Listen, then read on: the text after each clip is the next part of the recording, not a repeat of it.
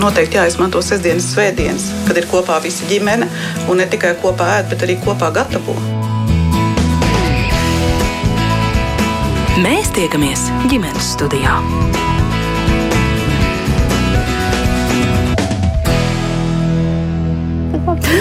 Labdien! Jā, mēs sākam raidījumu. Priecājos sveicināt jūs visus ģimenes studijas klausītājus. Mans vārds ir Agnēs Linka, šī raidījuma producente ir Ilze Zvaigzne.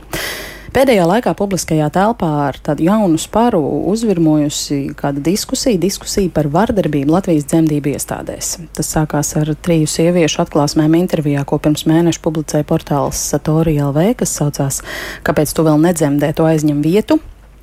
Un tad tam sekoja diskusija, komentāru, rūktu pieredžu apmaiņas, gūzma sociālos tīklos, dažādās sarunu grupās, eh, citviet. Kad arī ģimenes studija lēma šim tematam veltīt ētera laiku, mēs aicinājām mūsu klausītājus un mūsu sociālo tīklu kontu sekotājas dalīties ar pieredzi, ar piedzīvoto. Un mums pārsteidz tas, ka mēs saņēmām nevis eh, dažus, bet vairākus desmitus pieredzes stāstu elektronisku vēstuļu formātā, un ja mēs tam pieskaitām vēl sociālo tīklu ierakstu komentārus, kur mēs arī komunicējām ar saviem klausītājiem par šo pieredzi, sanāks simtiem. Un daudzi no tiem, tām apliecina, ka vardarbība Latvijas dzemdību iestādēs eh, pastāv, tā ir klātesoša. Daudz no tiem ir arī pavisam svaigi stāsti, un gal galā tas liek uzdot jautājumu, vai tiešām tādu attieksmi un izturēšanos ir mm, iespējams piedzīvot Latvijas eh, slimnīcās. Kā tas var būt 21. gadsimtā, Tāpat laikā saņemot datus, ko lūdzām eh, veselības inspekcijai par saņemtiem iesniegumiem par veselības aprūpas kvalitāti ginekoloģijā un dzemdniecībā, tad no 2018. līdz 2022. līdz šim gadam tie kopumā ir 159 iesniegumi. Un, kā atklāja veselības inspekcija, tad nevienā no slēdzieniem nav tikusi identificēta ar dzemdībām saistīta vardarbība. Tiesa gan šobrīd izskatīšanā ir vēl viens, esot vēl viens iesniegums par emocionālu vardarbību tieši dzemdību laikmā, laikā, tikmēr šie stāsti krājās, un ne tikai mēdījos, bet tiešām lielā skaitā arī sociālo tīklu sarunu grupās, komentāros. Jo patiesi mēs dzīvojam tādā informācijas laikmetā, kad diezgan skaļi izskan arī tas, par ko agrāk mēs būtu runājuši tikai pusbalsī, virtuvē vai savējo lokā. Kāpēc notiek vardarbība dzemdībās? Kā to mazināt vai, vai izskaust? Par to mēs gribam runāt šajā sarunā, un tās dalībnieces ir ginekoloģija, dzemdību speciāliste Rīgas dzemdību nama valdes priekšsēdētāja dr. Santa Mārkova. Labdien! Labdien! Rīgas Stradiņa Universitātes juridiskās fakultātes docētāja, doktora studiju programmas tiesību zinātnes direktora Karina Palkova. Labdien! Un arī Dzens Siguldas slimnīcas vecmāte Liena Ceriņa kopā šodien ir mums ģimenes studijā. Esiet sveicināti! Labdien! Diemžēl pēdējā brīdī gadījās tā, ka steidzamu akūtu darba pienākumu dēļ no dalības šai sarunā tika aizsaukta Stradiņa slimnīcas perinatālās aprūpas centra dzemdību nodeļas galvenā vecmāte Signe Irša, bet paldies Signē par labo nodomu piedalīties šai sarunā, šajā redzījumā. Un, Kā vienmēr arī šodien jūs, Latvijas radio viens klausītāji, varat pievienoties šai diskusijai. Ja jums ir kas sakāms, tad rakstiet mums no Latvijas radio viens mājaslaps. Bet sarunu mēs šodien iesāksim ar ierakstu, kurā apkopota daļa no tām vēstulēm, ko ģimenes studija saņēma, aicinot mūsu auditoriju dalīties ar dzemdību pieredzi. Tādu, kuru sievietes pašas uzskata par traumatisku un vardarbīgu. Nu, kā jau teicu, sākumā mums likās, ka šī saruna būs par vienu, divām, trim nelāgām pieredzēm. Vēstules turpināja pienākt, un mēs sapratām, ka nav iespējams nedot balsi lielākajai daļai šo stāstu. Klausīsimies, pēc tam komentēsim. Ievadot mani palātā, vecmāte liek pārvietoties uz dzemdību galda, lai mērītu toņus nogulties uz muguras. Lūdzu, vai nav iespējams šo veikt citā pozā, jo esmu informēta, ka to ir iespējams izdarīt. Par ko saņemu pretī? Atradusies te, mācīs mani vēl. Tūlīt dabūsi šprici dibenā, lai tev te viss apstājas. Klasiskie teksti. Šī jau nav dzemdētāja, ejiet gulēt, jums nav nekādas kontrakcijas. Veica pilnu iegriezumu, par kuru neviens nebrīdināja. Šuva bez anestēzijas. Bet, kad jautāja, vai varētu anestēziju, Atteica, vai tiešām nevaru pacensties, tikko tak piedzemdējusi. Jā, un par strijāino vēderu arī klausījos, ka esot briesmīgi tik jaunai meitenei tā tagad dzīvot. Gribas teikt, ka dežūrējošajai vecmātei īstā vieta būtu stallī, iespējams, pat dzīvniekiem nenovēlētu tādu attieksmi. Kad viņa nāca klausīties tonīšus, katru reizi varēju klausīties, ka te neviena nedzemdē ar mēnešu reižu sāpēm, Kad aurosi tā, ka gaitenī dzirdēšu, tad arī zināšu, ka taisies dzemdēt. Pēkšņi doktori paziņo, ka Te nekas nav palicis, un pilnu atvērumu atpleš ar rokām un liek uzsākt spiešanu. Nepārtraukti pazemo. Tu neko nedari, neko nespied. Taisīt mācēji vairāk neko, ko čakarējies. Paiet laiks, sāku raudāt, ka nespēju. Vairs nav spēka, bet komentāri no doktoras turpinās. Ja jau šādi runā, tad jau vēl vari, ko tu ņemies? Cik tev pacietīgs bērniņš, tu te muļājies. Es savus trīs bērnus piedzemdēju pati un beigās pirms ķēzara grieziena vēl pasaka, tu pēc gada vēl nožēlos, ka tev bija ķēzars.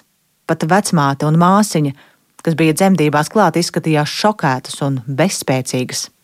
Pamodos pēc ķēzara operācijas anestēzijas, palūdzu ūdeni, jo pakustināt varēja tikai rokas. Tad dzirdēju, ka koridorā sarunājas sievietes, kas to nakti dežūrēja. Atkal tā tur atmodusies un kaut ko vajag. Aizbraucot uz slimnīcu, dežūrējošā vecmāte uzkliedza, kādēļ vispār atbraucu, jo ar nogājušiem ūdeņiem varot vēl trīs dienas staigāt. Vakarā dežūrējošais ginekologs ienāca manā palātā un teica, ka es esmu vainīga, ka man nevaras dzemde vaļā. Kad bija laiks doties uz dzemdību krēslu, ienāca ginekoloģija un pēc pāris spiedieniem sāka kliegt, ka nemāku spiest, bet neko nepamācīja. Vienkārši kliedza, lai beidzu tā darīt, un tad paņēma šķēres un teica, lai spiežu, un tad bez brīdinājuma ar šķērēm man iegrieza.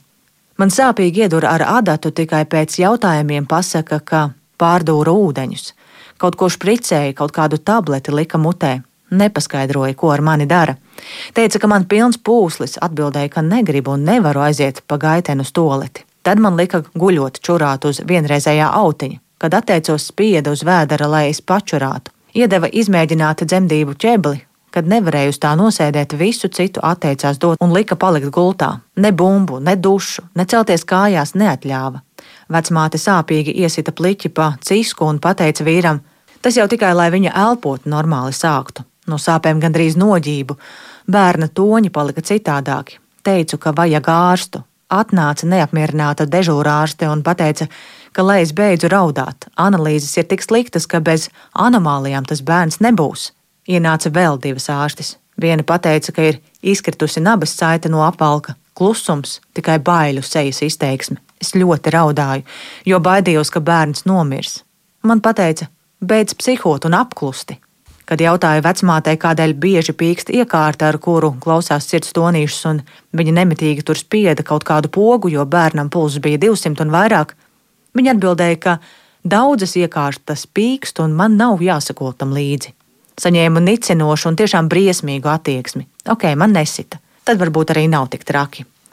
No dzemdību zāles man izveda pēc aptuveni piecām stundām. Ja vairākas stundas jāguļ uz dzemdību galda, es atvainojos, kādā pozā dzemdēju, kailai, neapsektai un novārtā atstātai.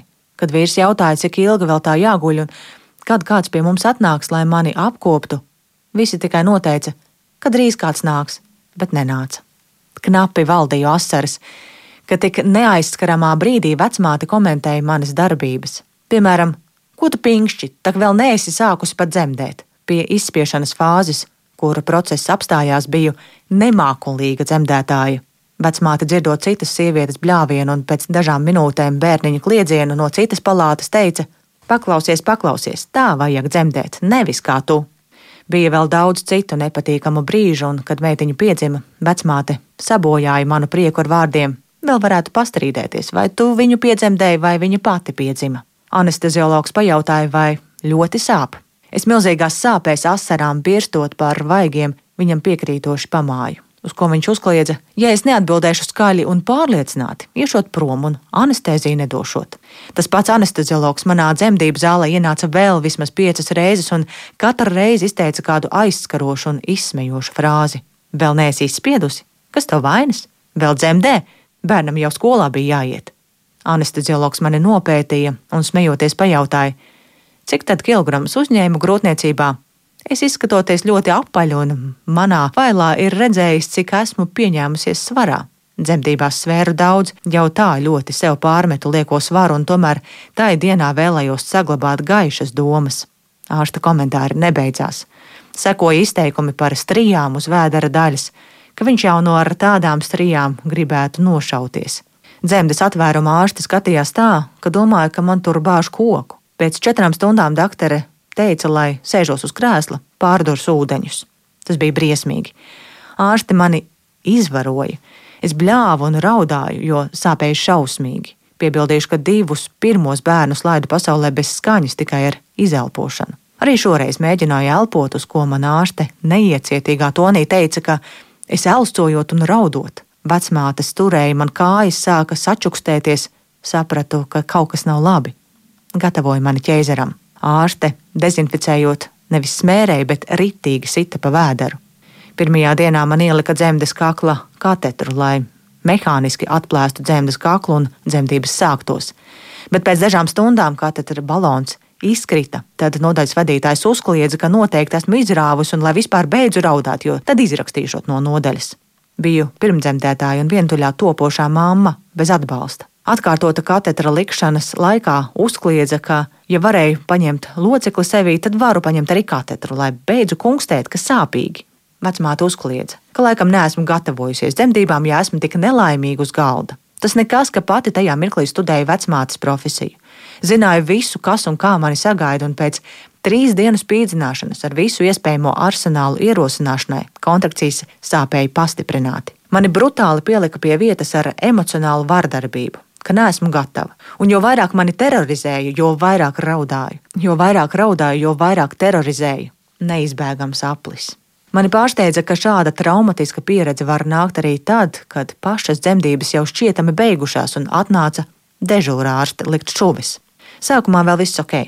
Anestezija bija, sāpes nejūtu, tikai nepatīkamas sajūtas. Uz manām emocijām doktori bija visai skarba. Teica, ka tad vajadzēja klausīt un darīt, ko liek.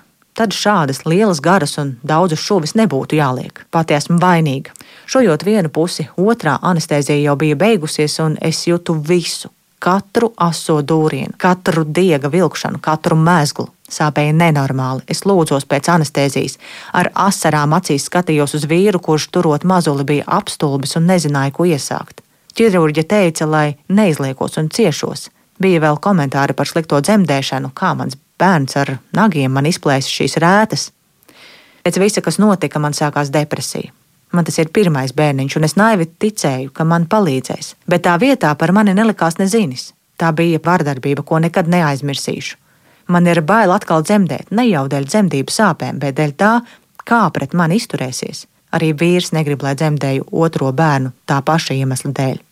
Tik dziļa pamestības trauma un sajūta vietā, kur devos, lai droši sagaidītu mazuli. Pagājuši nu jau trīs ar pus gadi, strādāts psihoterapijā, pārstrādāts dzemdību stāsts ar dūlu, neatkarīgu vecmāti, bet joprojām Nespēju piedot, ka nozagu tik daudz vērtīga savam mazulim, un tik ļoti skaists notikums izvērtās par murgu vēl vairāku mēnešu garumā, kuros nespēju nenormāli sēdēt, neiet. Pēc dzemdībām runājot ar nodaļas vadītājiem, ārstiem, citām vecmātēm, visi man teica vienu saskaņotu teikumu: dzemdības ir neparedzams process. Tieši tā, es tam pilnībā piekrītu. Nekad un nekas nedod simtprocentu garantiju, ka bērnam un mammai viss būs labi, īpaši, ja savu darbu dara nolaidīgi un vienaldzīgi. Ir pilnīgi skaidrs, ka mana dzīves pati pati lielākā kļūda ir tas, ka es neslēdzu līgumu ar vecmāti un ārstu.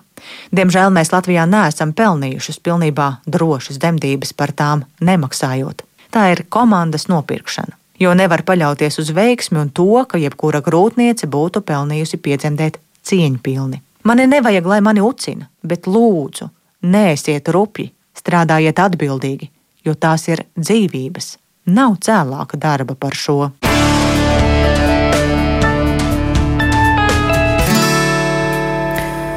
Tātad šāds ieraksts, kurā apkopota daļa no tām vēstulēm, ko ģimenes studija saņēma, aicinot mūsu auditoriju dalīties ar iespējams sieviešu prāt traumatisku vardarbīgu dzemdību pieredzi. Jāpiebilst, ka vairākumā stāstu ir nosauktas arī dzemdību iestādes mums iesūstītajās vēstulēs dzemdību iestādes, kurās tas viss ir noticis. Sievietes neslēpj arī medpersonāla vārdus un uzvārdus.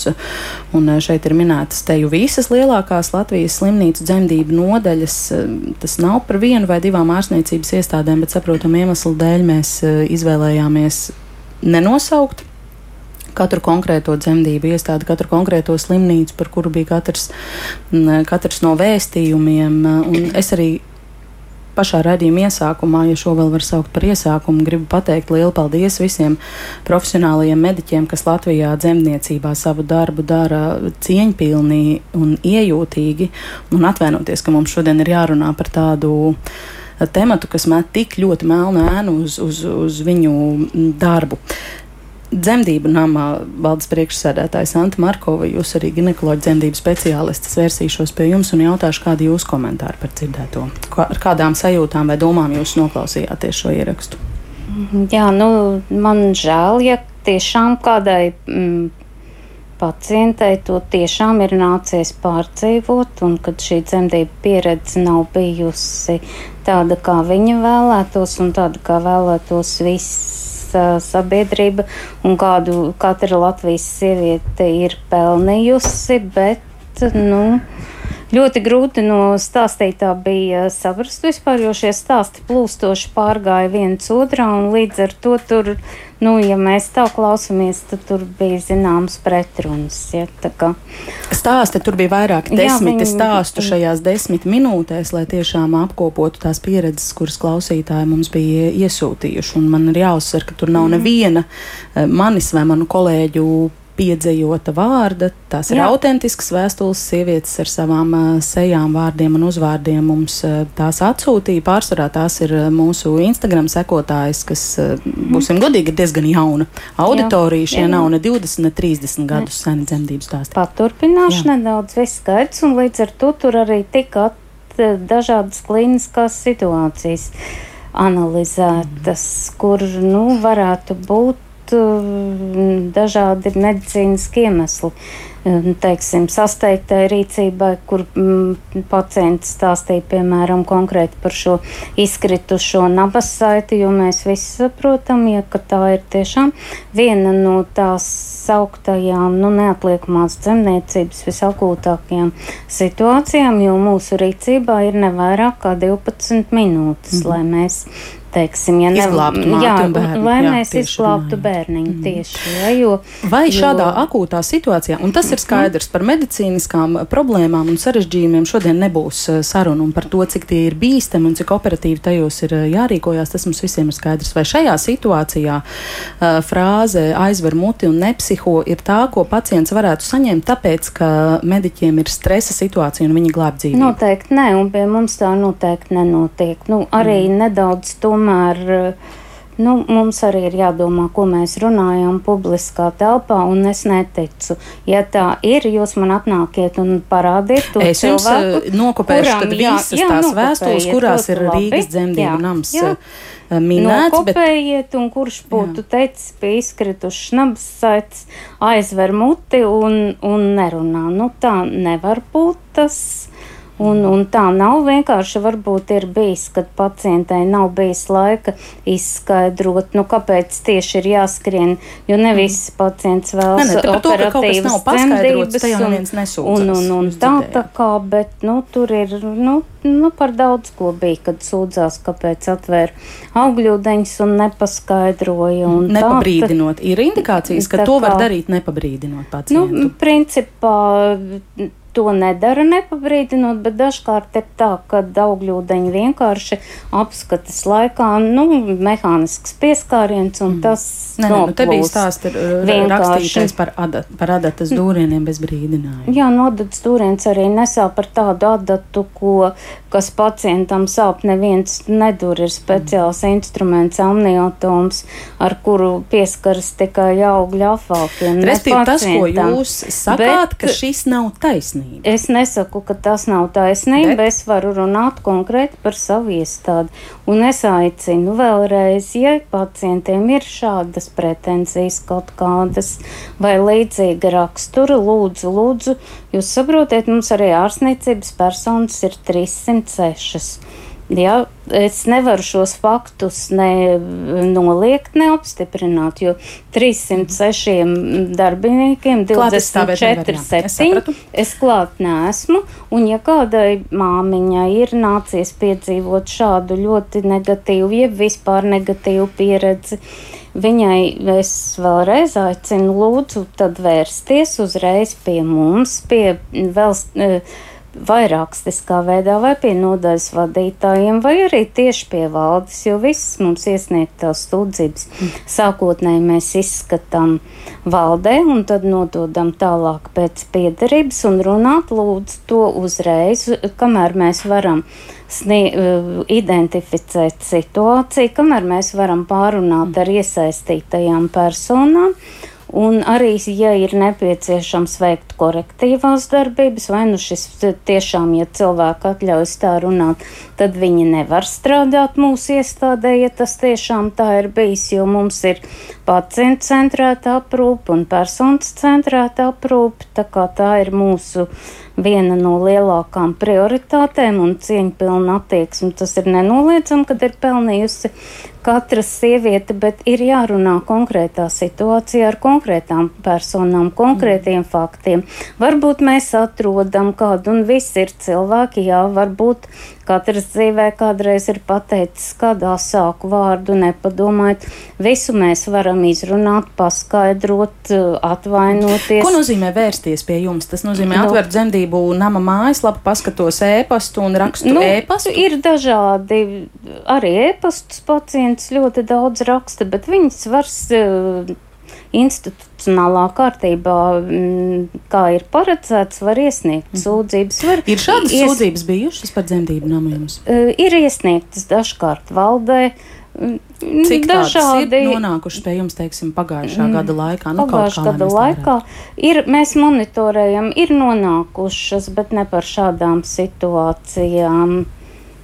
Tā tūliņ pateikšu, trīs mēs esam visi pārunājuši. Jā, ir atzīta komunikācijas kļūda vienā situācijā. Mm. Arī pacienti vērsās arī veselības inspekcijā par šo pašu tēmu. Mēs visu izrunājām, tur ir veikts korektīvās darbības, ir piemērots disciplinārs sots. Tā kā, nu, ja tas mm. tiešām ir tā, kā, kā tur dažos ir teikts, šajos stāstos tad runājam visu konkrēti, konstruktīvi diskutējam diskutējam ar iesaistītām personām, un arī Jā, tad mēs varam, varam arī palīdzēt pacientam, varbūt viņam ir nepieciešama psihologa palīdzība, pēc tam. Nu, mēs jeb izdarīsim jeb, jebko, lai palīdzētu pacientam un lai novērstu šādu situāciju atkārtošanos. Bet ja mēs to nezinām, mēs to nevaram nojaust, un arī pacientai tieši dzemdību procesā ir tiesības teikt, ka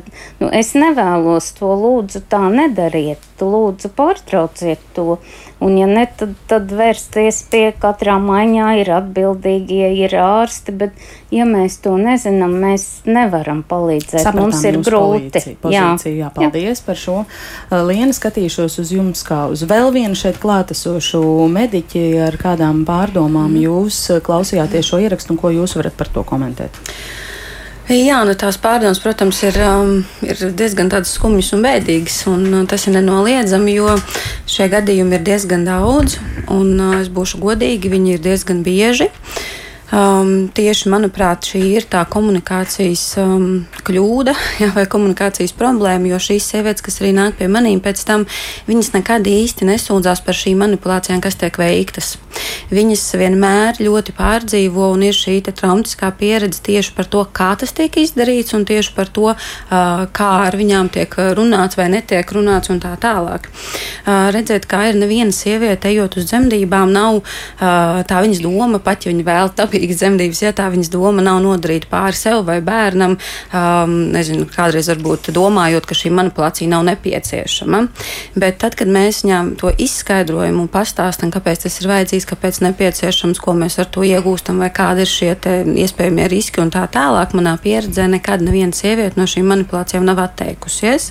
Līdz ar to tas, ko es saprotu un tas, ko es arī novēroju savā pieredzē, ka mēs varam ar sievietēm runāt pat visam tiešām tādā tādās bīstamākajās situācijās, kādas tās vispār ir iespējamas, nu, mēs nedrīkstam sievieti um, sākt tiešām tur, nezinu, durt vai likt sistēmas vai dot tablets vai ko citu darīt, nepastāstot viņai, kas tas ir un kam tas ir domātas. Pat tad, ja sievietē ir pieņemsim, nezinu, masīva asiņošana, man ir trīs sekundes pateikt, tu pašlaik asiņo, es darīšu visu, lai viņu apturētu, tagad vienkārši uzticies man. Ja? Tā vietā es varu vienkārši neko neteikt un sākt viņai durt visu kaut ko, un, protams, sieviete jau nesaprot, kas ar viņu notiek. Viņai nav šīs te, um, nu, nezinu, tādas ne medicīniskās, un pat ja arī būtu medicīniskā izglītība, mēs jau nekad kā pacienti neparedzam to, ka, ko ar mums darīs šajā konkrētajā nu, situācijā. Izglītība pat nepalīdz. Tieši tā, tas jau neko nepalīdz. Nu, jā. Es esmu studējoša vecmāte jā, un saprotu, jā, tieši visu, tā. mani. Un, uh, manuprāt, mēs ļoti daudz arī pēdējā laikā, pēdējos gados runājam par to, kā sievietēm um, nodrošināt šo kvalitatīvo aprūpu. Mēs runājam par to, kā nepieļaut um, nezinu, jaundzimušo mirstības rādītājs, lai viņi nepieaugtu. Ja, vai, piemēram, tur sieviešu mirstības rādītājs dzemdībās, bet arī tas, ko es nu pat piedzīvoju, ka man bija viena klienta, kur atnāca 37 nedēļās ar otro grūtniecību, un uh, viņa tiešām teica, ka viņa nespēja iet nevienā dzemdību iestādē pēc tā, ko viņa ir piedzīvojusi pirmajās dzemdībās. Un viņa tā arī pateica, ka es vienkārši nespēju pat to iedomāties. Man ir 37 nedēļas, un es esmu gatava dzemdēt pilnīgi jebkur kaut vai viena pati, lai tikai man nebūtu nekur jāiet. Bet viņa ir atnākusi tikai tāpēc, ka viņai jau no tām pašām dzemdībām jau ir tikpat bail, kā iejūt tajās dzemdību iestādēs. Un tā rezultātā man jāsūta pilnīgi vesela sieviete pie psihiatra, lai viņai vispār būtu kaut kāda nu, bāze ar nomierinošiem līdzekļiem, lai viņi varētu apnākt līdz šai iestādē un lai spētu viņai kvalitatīvi palīdzēt. Tā vietā man nepatīk šī biedējošā sajūta, ka tas ir tas iemesls, kāpēc viņas nenāk un nesaņem kvalitatīvu aprūpu, tādu, kādas viņi būtu pelnījušas. Mm. Jā. Bet kāpēc tā notiek? Jums ir viedoklis. Nu, kaut vai tā apskaukšanās, labi informētā piekrišana, cik kurā brīdī tā mm. ir mhm. iespējama, par to var vēl diskutēt, vai cik adekvāts kāds ir kaut ko saprast mm -hmm. vai mhm. pie, piekrist.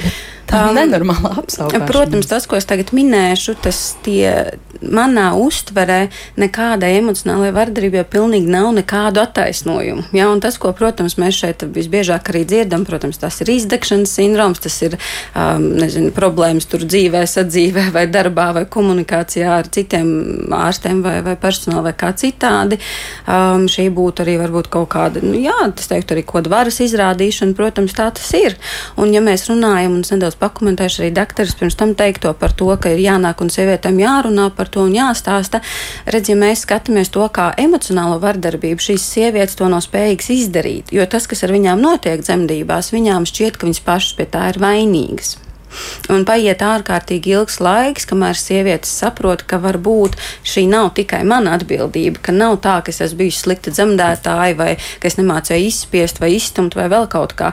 Pat ja mums kā no malas šķiet, ka varbūt, eh, es nezinu, sieviete varētu vēl pacensties, man nav nekādu tiesību viņu aizvainot, apvainot, kliegt uz viņu vai kā citādi nicinoši vai, vai pazemojuši pret viņu izturēties. Tas nav mans uzdevums šajā brīdī. Ir jāatrod konkrēts veids, kā es ar šo sievieti varu komunicēt komunicēt, es varu viņu um, atbalstīt, lai viņi ar mani um, produktīvi sadarbotos. Un tas ir tas, ko, kas, ko vajadzētu darīt šajā dzemdību procesā. Mm. Karina, jūs no sava jurista skatu punkta klausoties uh, šo visu, ko gribētu akcentēt, ko jums šķiet svarīgākais pateikt? Tad, uh, manuprāt, uh, droši vien sākšu ar savu trešo punktu, noklausoties kolēģis. Šie visi stāsti liek man aizdomāties par to, ko tad mēs saprotam ar emocionālo vardarbību. Un ko mums eh, par to teiksim, tā, saka normatīvais regulējums? Un kas ir emocionāla vardarbība? Tā ir tīša, iedomājama vai arī teiksim, tā, reāla, fiziskā, arī emocionāla uh, spēka pielietošanā attiecībā uz trešo personu. Bet kas ir ļoti svarīgi, vai ir nodarīts kaitējums vai bojājums mūsu veselībai, mūsu ķermenim. Un tad mēs skatāmies tālāk, un likuma par kriminālu likuma spēka stāšanās un piemērošanas kārtību ir skaidri šobrīd iezīmēts, es pats nocitēšu, ka miesas bojājumiem ir pielīdzināmi arī psihiski traucējumi vai traumas, kas radušās psihisku teiksim, tā, iedarbību rezultātā. Tad tā mums ir tā vardarbība. Bet šeit man jāsaka, ka es tomēr nesaredzu šo vardarbības momentu tik ļoti, cik laipnas attieksmes trūkumu. Un pacientu tiesību likums skaidri iezīmē, ka katram pacientam ir tiesības uz laipnu attieksmi. Un visi šie stāsti secina, ka trūkst laipna attieksme, un visi šie stāsti liecina par to, ka mums ir rops pacientu un ārstniecības personu komunikācijas kultūrā. Tālāk, tik daudz ir iesūtīts jums uz raidījumu, tad man uzreiz loģisks jautājums. Mums normatīvais regulējums īstenībā jau uzliek par pienākumu katrai ārstniecības iestādē nodrošināt ziņošanas, mācīšanas sistēmu. Kādā veidā katra ārstniecība iestāde nodrošina šīs sistēmas darbību, tas ir jautājums. Mums ir labas prakses piemēri ārvalstīs, bez šaubām. Mm. Arī Latvijā mums ir uh, ārstniecības iestādēm izstrādātas šis ziņošanas, mācīšanas sistēmas. Bērnu slimnīcēm, jā, piemēram, jā, precīzi. Dzemdību nama arī ir. Jā. Tālāk mēs aizem uz pacientu drošības jautājumiem, bet jā. tas ir kaut kas jauns, kas Latvijā man jāsaka, vēl nav attīstīts tā, kā mums gribētos. Jā, tad šeit ir tāda virkni jautājumu. Mm. Par to ziņošanu es eh, sākšu ar dažiem klausītāju komentāriem. Madara, piemēram, raksta, es vēlējos piebilst, ka sūdzēties veselības inspekcijai par vārdarbību dzemdībās nav jēgas, jo neviens ārsts nekad nerakstīs dokumentos, ka, piemēram, tika veika, veikta epiziotomija sievieti neinformējot, vai arī dzemdētāja tika saukta par stulbu govi, vai arī vecmāte ir gūlusies uz vēdera, lai izspiestu bērnu. Ar eh, vāru jauno ārsta Nikiforenko lietas mēs varam secināt, ka veselības inspekcijai neinteresē lai tikai dokumenti ir kārtībā, bet tajos jau nav ierakstīta tā briesmīga attieksme, kas būtībā arī klasificējama kā vardarbība pret uh, uh, sievieti. Viedokļi varbūt uh, šeit šobrīd studijā dalās par to, vai mūsu apkopotā informācija un pieredzes stāsti atspoguļo reālo ainu vai neatspoguļo. Bet uh, varbūt mēs varētu, jo laiks ļoti iet uz priekšu, fokusēties uz to, kas pacientam ar šādu pieredzi ir jādara. Karina. Jā, tad, tad ja drīkst reflektēšu par ārstniecības riska fondu. Ārstniecības riska fonda mēs varam un jāraksta iesniegums, lai, ja ir nodarīts skaitējums pacienta veselībai, arī morālais skaitējums, bez šaubām. Ja? Un ja mēs to varam pierādīt, tā, tālāk ir ārstniecības riska fonda teiksim, tā, darbinieku un kompetenci jautājums. Es ļoti ceru, un īstenībā pēdējie notikumi norāda uz to, ka mēs savādāk sākam uztvert šo emocionālo vardarbību un arī komunikācijas jautājumus. Absolūti un bez šaubām. Tā, tas ir jādara, bet primāri strādājam ar ārstniecības iestādēm. Komunicējam, rakstam ēpastus, izmantojam ziņošanas sistēmas, ja tas ir iespējams. Un paturam prātā, ka jums ir tiesības, un arī ārstam ir zināmas tiesības. Un šeit, starp citu, ja drīkst, uh, Man ļoti patīk, ka īstenībā veselības eh, ministrijas jaunie izstrādāti priekšlikumi mm -hmm. par mhm. pacientu kultūras ieviešanu un stiprināšanu. Un šeit es negribētu teikt, ka mēs aizstāvam un mēģināsim aizstāvēt tikai un stiprināt pacientu tiesības, bet te jāstrādā arī ar ārstiem. Izglītojošā līmenī, apskatot programmas, ieviešot kursus par teiksim, tā, komunikācijas jautājumiem, lai ārsti arī zina. E, man arī sanāk daudz runāt ar ārstiem un lekcijas lasīt ārstiem. Nu, nezinu elementāras lietas, mm. nezinu pacientu tiesības, un mēs nevaram ārstu vainot, ja izglītības teiksim, tā, sistēma nav nostiprināta. Tagad, ko mēs redzam, jaunie ārsti arvien intensīvāk vēlas saņemt, saņemt šo tiesiska rakstura informāciju.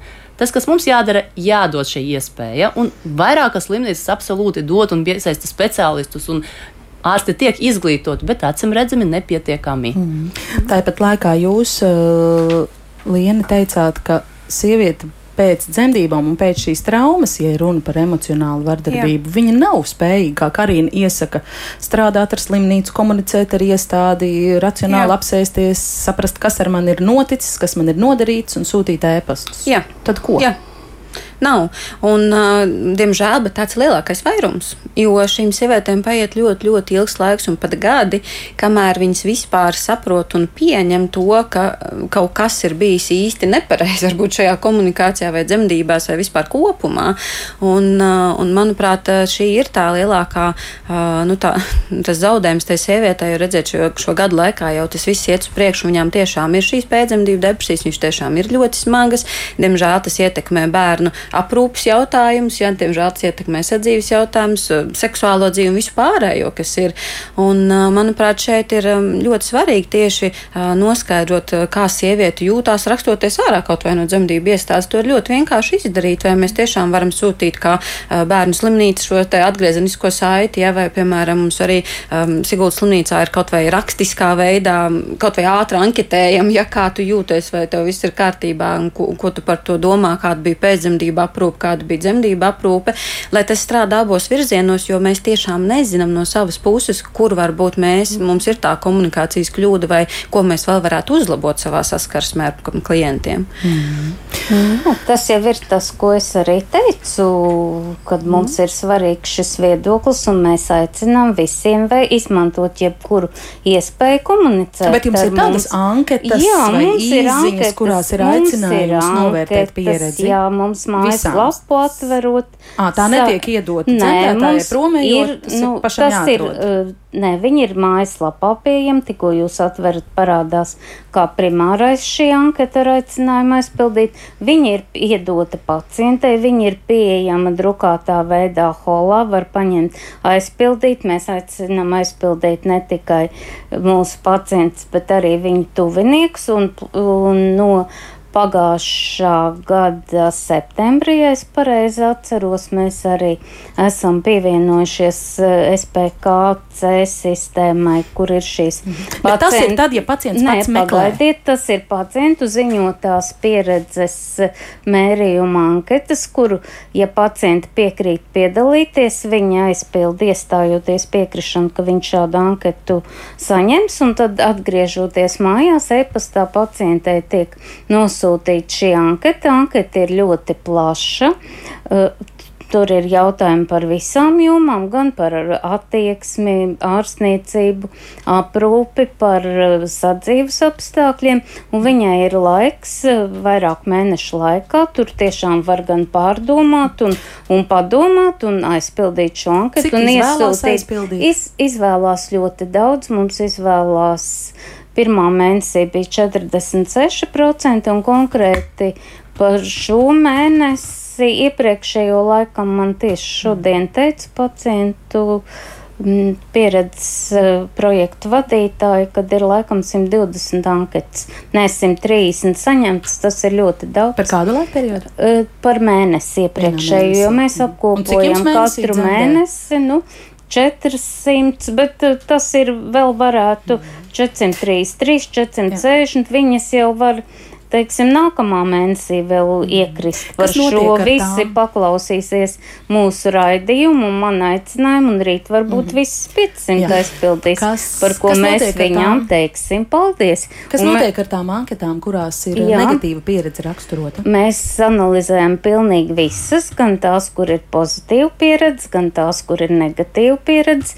Tad mēs, mums ir speciāls elektronisks rīks, vēl, kas palīdz šos datus apkopot. Tad mēs varam klasificēt eh, šīs pilnveidojamās sfēras pa tādiem blokiem, un tālāk mēs nododam struktūru vienību vadītājiem eh, un par jomu atbildīgajiem speciālistiem. Mēs tad pieaicinam, ja tur ir minētas, eh, jā, tur gadās, ka tiek minētas arī konkrētas personas.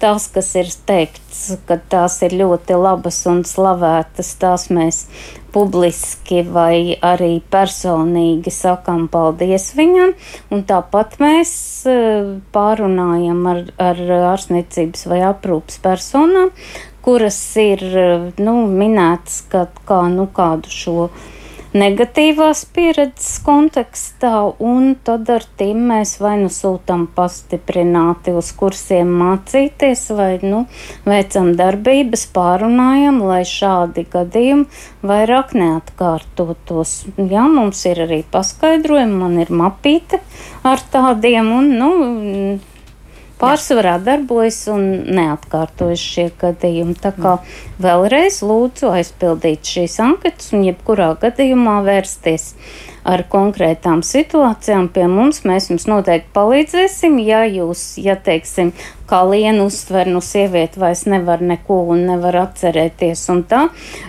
Kā mēs zinām, ir vairāk kā puse, 70% mums ir ģimenes cemdības, kad mm. pacientē līdz ir, ir bērniņa tētis, ir līdz mamma mm -hmm. vai draudzene lūdzu, nu, vēršieties arī jūs, un tā arī ir, kad bieži par, par arī pie manis nāk runāties, un pārsvarā visu var, var izrunāt un, un, un nu, palīdzēt saprast. Tieši nāk mm. jaunie tēti, nāk vecmāmiņas un tā. Tā jā. kā nav tā, ka mēs neko nevaram darīt. Mēs varam darīt un daram ļoti daudz mm. un tā, bet. Eh, ļoti daudz mums ir komentāri, kas mm. pārmet jums kā lielākajai dzemdību iestādes vadītājai, ka jūs teiktajā ir dzirdama liela aizstāvība medpersonāla rīcībai un ka trūkst tas nosodījums, ka jebkāda emocionālā vardarbība ir nepieļaujama dzemdībās. Vai ir kāda reize bijusi, kad tas ir bijis kaut kas nopietnāks par parunāšanos, ka kādi pārkāpumi pret pacientu teicu, ir, ir beigušies arī, piemēram, ar ārsta atbrīvošanu no darba? Nu, mm, arī Karina man piekritīs, ka atbrīvošanai ir nepieciešams būtiskāks iemesls pamatā. Ja, ja, teiksim, nu, ja tas atkārtotos vairākas reizes un tā, tad tad nu, mēs visi zinām darba likumu, ja, mm. kad, kāda ir. Bet ir bijuši disciplināri sodi mums tā, ja, protams, ja tiktu pierādīta vai būtu aizdoms uz klaju vardarbību, protams, tādi mm. būtu. Bet, nu, jā. uh, Nu, es, ne, to... es neteiktu, ka kad manā ir, teiktajā ir uh, dzirdama aizstāvība, aizstāvība vardarbībai. Es tikai saku, ka lūdzu par konkrētiem faktiem, mm -hmm. jo es nevaru nevienu neapstiprināt, nenoliegt, ne, Jā. nezinot konkrētos. To mēs jau dzirdējām. Karina, pavisam labi. īsi, jo mums vēl šis tas ir svarīgs jāpaspēj. Ir iespējams pierādīt tādas lietas, par kādām sievietes uh, raksta mums un ko mēs atskaņojām ierakstā, šo emocionālo vardarbību dzemdībās. Jā, absolūti. Ja sieviete var pierādīt, ka viņai, teiksim, uh, Pavisam vienkārši piemēra ārsts ir teicis, ka sieviete ir liekas svars, un tad viņa rezultāta kļūst par An, uh, viņa ir anoreksija, mm -hmm. tāpēc ka viņa mēģinājusi nomest to svaru tādēļ, ka ārsts viņu ir aizvainojis, piemēram, mm -hmm. un šādā veidā saņemot dažādu veidu slēdzienus un tā tālāk, sniedzot arī dokumentus vai no ārstniecības riska fonda vai, vai teiksim, uh, tālāk. Tie ir tie pierādījumi. Bet es gribētu pavisam īsi mums vienkārši ārstniecības personam jāatcerās, ka pacientam ir tiesības šo laipno attieksmi. Pacientam ir tiesības uz informāciju, saprotama veida skaidru sniegtu informāciju. Skaidrs, ka tas nevienmēr ir iespējams. Ārsti pārslogoti, pacienti emocionāli, bet es gribu uzsvert, ne jau tik ļoti šī emocionāla vardarbība, bet domājam par pacientu un ārstu komunikācijas mm -hmm. kultūru, uzlabojam ārstu zināšanas par komunikāciju, un es pieļauju, ka arī pacienti būs pacietīgāki. Arī mm -hmm. pacientiem ir pienākumi, ne tikai ārstiem, protams, tas arī jāpaturprātā. Mm.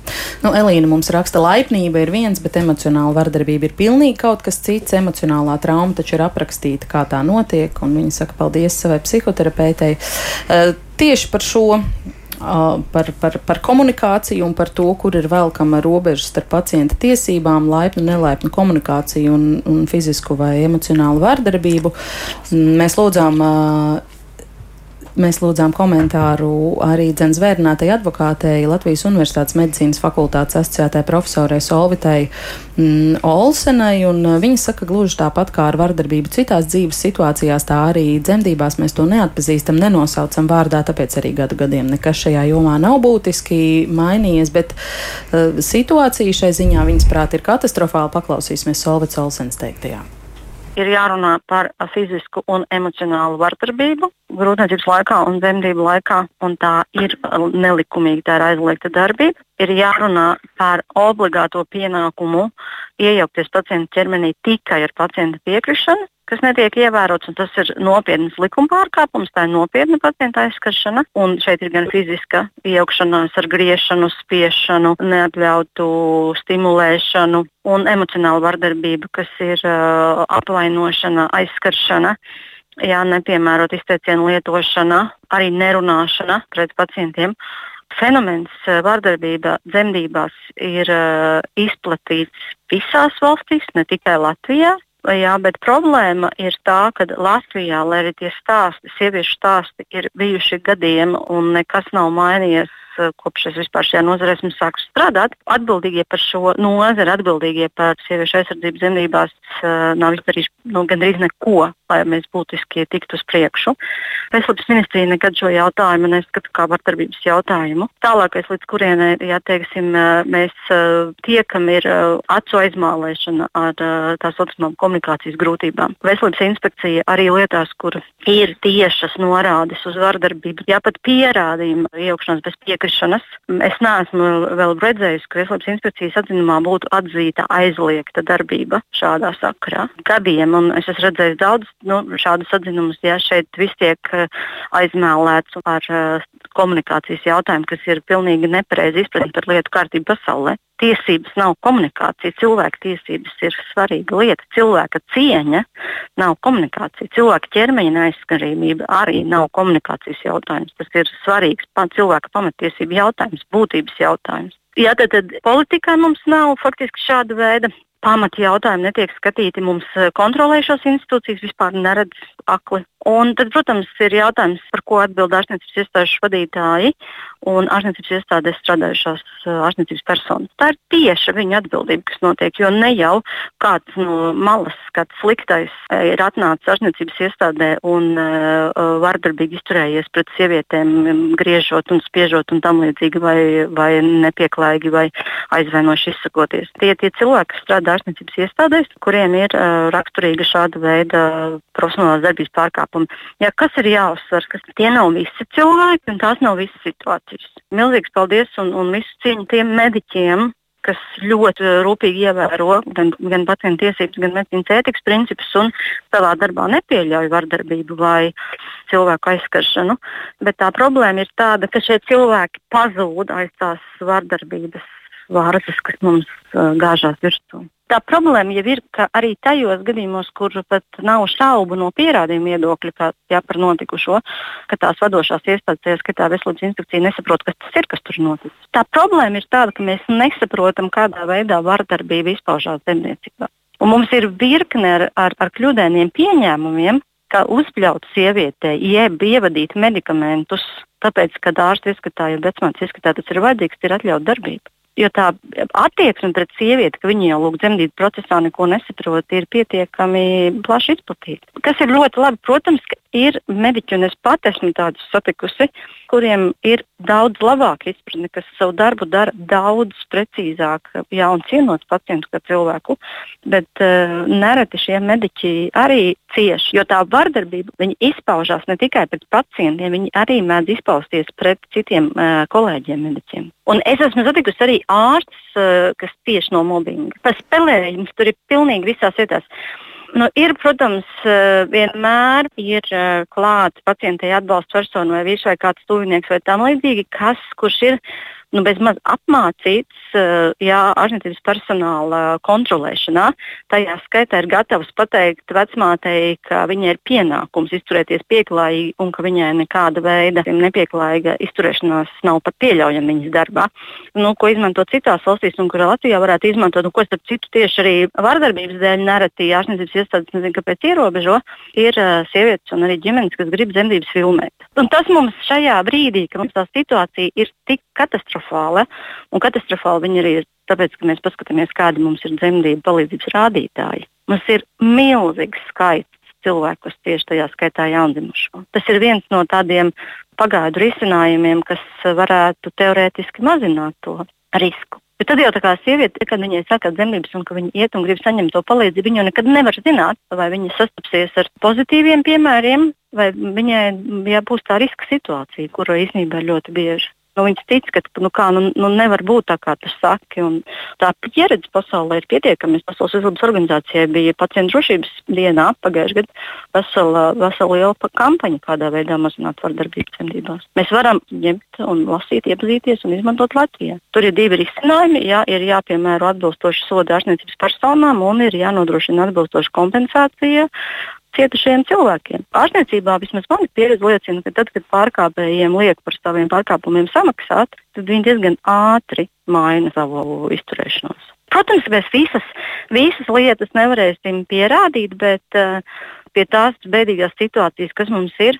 Tas būtu jādara pat pilnīgi atklāti. Ja man kādreiz prasīts, vai varētu lietot slēpto filmēšanu, un es domāju, ka tas nebūtu pat labākais risinājums. Zinot to bēdīgo situāciju, kāda ir iespējama, nu, filmēsim drošības nolūkos. Kas ir kļūda, nu, kas ir kopumā nebūtu nu, teiksim, tāds nepieciešams risinājums, ja mums situācija būtu labāka.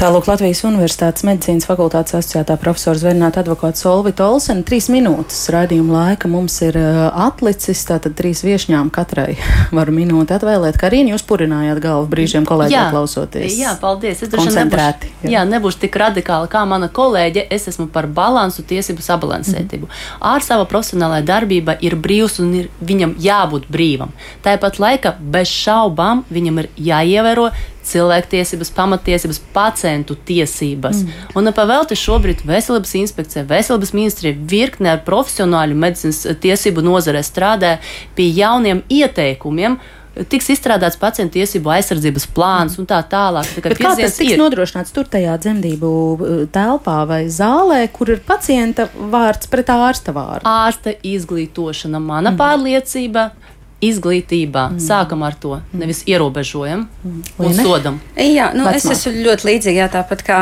tāpat kā runājot tikko arī kolēģi.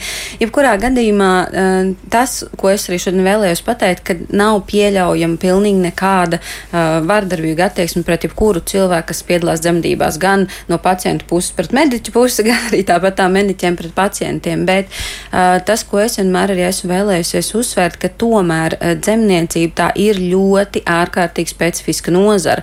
Tas nav uh, cilvēks bezsamaņā, ar kuru mēs strādājam, ja, un ar kuru mēs arī veicam kaut kādas manipulācijas, par kurām tāpat viņš ir informējis un parakstījies par to. Un uh, šeit arī tas darbs prasa attiecīgas zināšanas, attiecīgu emocionālo inteliģenci, sagatavotību un visu pārējo to kop, kopsakarību kā tādu. Mm. Un ja šis uh, konkrētais speciālists nav gatavs strādāt šajā nozarē uh, ar šiem klientiem, lai viņam būtu emocionāli labas attiecības apusēji, tā tad ir jāmeklē kaut kāds cits nozars punkts vienkārši, jo tā tas nedrīkst būt. Tas nav pieļaujams. Mm. Tas nav tā, ka mēs, piemēram, nezinu, aiziet uz banku un kāds mums, piemēram, sāktu kliegt virsū par mūsu kaut kādām finansēm, piemēram. Ja? Nu, attiecīgi šis speciālists pēc šādām trīs reizēm viņš tiktu atlaists un mm. varbūt pat ne pēc pirmās. Mums ļoti daudz sašutumu par to Jā. domu, un, ka emocionāla nav, vardarbība nav pietiekams. Tas iemesls. ir pietiekams iemesls, un es nekad šo nesapratīšu, kāpēc fizisku vardarbību liek augstāk par emocionālu vardarbību. Šiem cilvēkiem pēc tam ir jā jādzīvo sabiedrībā. Un, ja viņi kļūst tiešām emocionāli nestabili, mums ir jāaudzina bērni, jāaudzina tālāk, varbūt nākamie bērni jādzemdē un, un jābūt tomēr sabiedrības nu, daļai, kuri ir emocionāli veseli. Nevar noklusēt. Fiziska un emocionāla vārdarbība ir vienāds zīme. Šobrīd pēc likuma vienāds. Vienāds zīme. Pēdējā minūtī tad Markovs kundze jums. Jā, mēs mm, nekādā gadījumā neatbalstam emocionālu vardarbību vai arī uh, pret pacientu vērstu necienīgu komunikāciju. Filmēšana aizliegta dzemdību namā uh, privātām vajadzībām. Privātām vajadzībām ne ir atļauta saskaņojot ar uh, valdes atļauju, bet tas mm. ir arī ir zināms situācijas, kad tas ir atļauts. Nu, to mēs tagad minūtes laikā es neanalizēšu, Jā. bet arī jāatgādina, ka arī ārsniecības personām ir tiesības un bez um, personāla piekrišanas filmas personālu filmēt mēs nevaram. Mēs varam filmēt mm. dzemdības, varam filmēt savu bērniņu un tā. Un jā, jebkurā gadījumā mums ir daudzi izglītojoši mehānismi, mums ir programmas. Jā, diemžēl ārstu izglītībai un arī, bet paša pamatā ir konstruktīvs dialogs starp šīm personām. Arī aicināt. Paldies, ginekoloģija dzemdību speciālistu un Rīgas dzemdību no valdes priekšsēdētājs Anta Markova, Rīgas Tradiņu universitātes juridiskās fakultas docētāja Karina Palkova un Siguldas slimnīcas vecmāte Liena Ceriņa piedalījās šodien ģimenes studijā. Jā, radījumu veidoja Ilza Zvaigzne, Kristaps Runģis un es Agnese Linka. Mēs tiekamies ar jums šajā laikā un vietā rīt.